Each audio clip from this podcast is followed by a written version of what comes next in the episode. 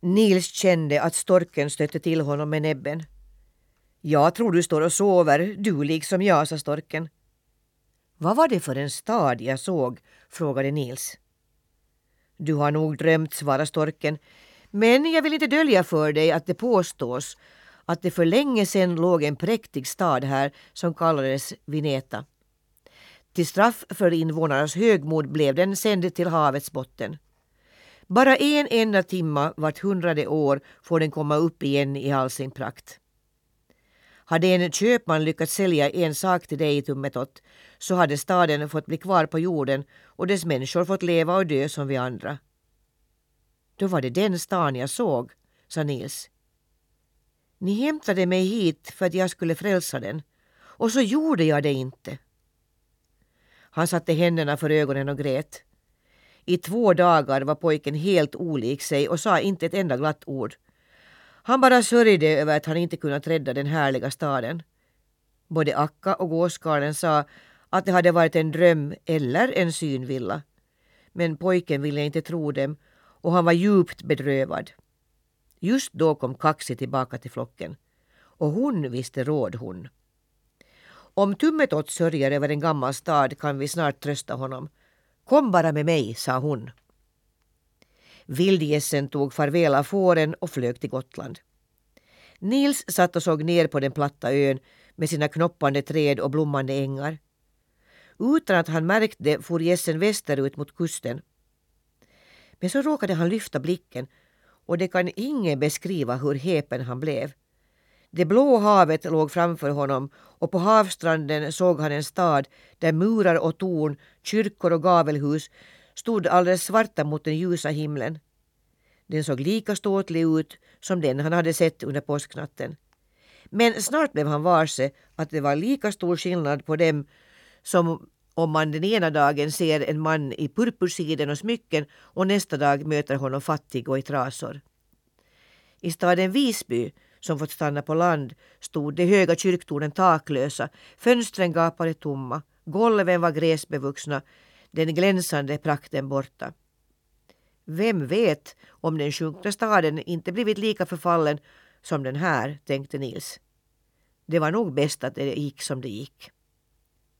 Men han tänkte visst inte på att staden ändå var vacker med sina vildvinsklädda ruiner och rosendoftande trädgårdar. Och många människor gläder sig mer åt det Visby som finns än ett grant Vineta på havsbotten.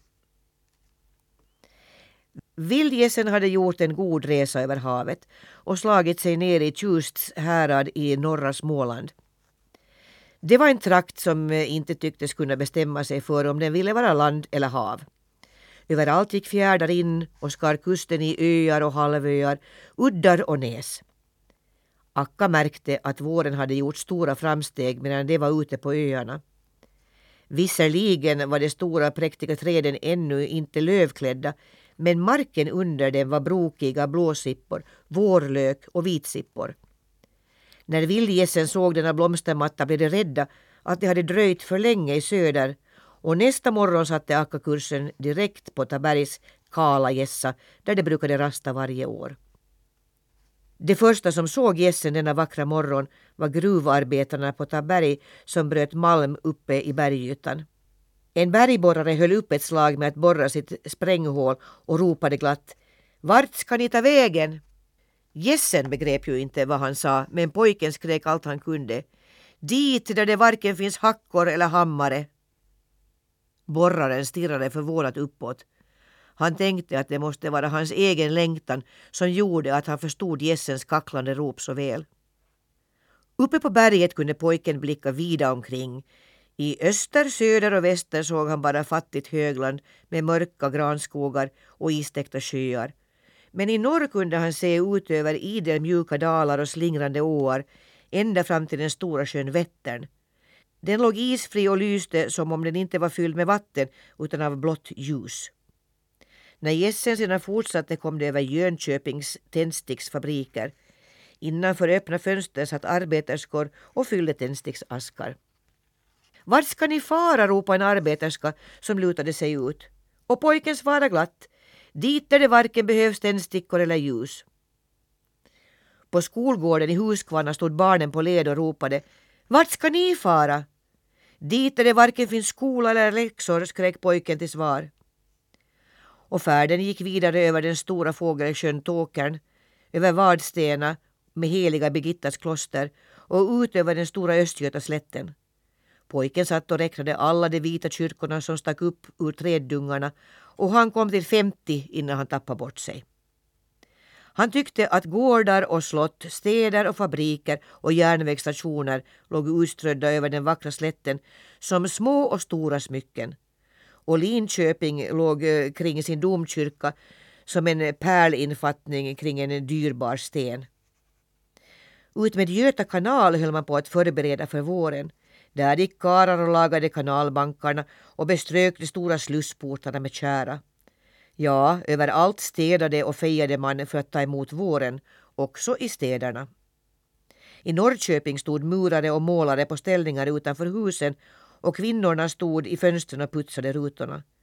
Nere i hamnen rustades segelbåtarna och ångfartygen. Men därefter blev det dags att lämna slättbygden och ta vägen över Kolmården, den stora skogen som låg så mörk, tätvuxen och vild. Det tog rast vid en skogssjö och nästa dag for det vidare norrut över Sörmland. Pojken såg ner på landskapet och tänkte att det inte var likt något av dem han hade sett tidigare. Här har det tagit en stor sjö och en stor älv och en stor skog och ett stort berg och hackat i stycken och blandat dem om vartannat och slängt ut dem utan någon ordning, tänkte han. Ty han såg inget annat än små dalar, små kullar, små skogsdungar. Överallt stod stolta träd och ljuva blommor och vattnet i de små kanalerna låg klart och djupt grönt och speglande. Nils tyckte att allt sammans var som ett paradis. Jag har då aldrig sett något så vackert. Vad kan det vara för en trädgård? Vid en Mälarvik på en udde nästan helt omfluten av vatten såg han det största och grannaste röda slott resa sina mäktiga runda torn högt ovanför trädkronorna. Här gick gässen ner för att beta och Nils sprang nyfiket upp mot slottet för att titta närmare på det. Han gick in genom ett djupt portvalv och kom in på en stor trekantig gård. Där stod ett par långa kanoner och dem måste han först hoppa bock över innan han kilade vidare in på ännu en borggård. Han gick in genom en port och kom till rader av stora gammaldags salar. Väggarna där var täckta av gröna mörka tavlor och allvarsamma herrar och damer i besynnerliga styva dräkter. Han hittade också en liten teater och alldeles där bredvid ett riktigt fängelse. Ett rum med nakna stenväggar och gallergluggar och ett golv som var nernött av fångarnas steg. Såg du till kung Erik, han som fick sitta fängslad på Gripsholms slott? frågade Akka när Nils kom tillbaka.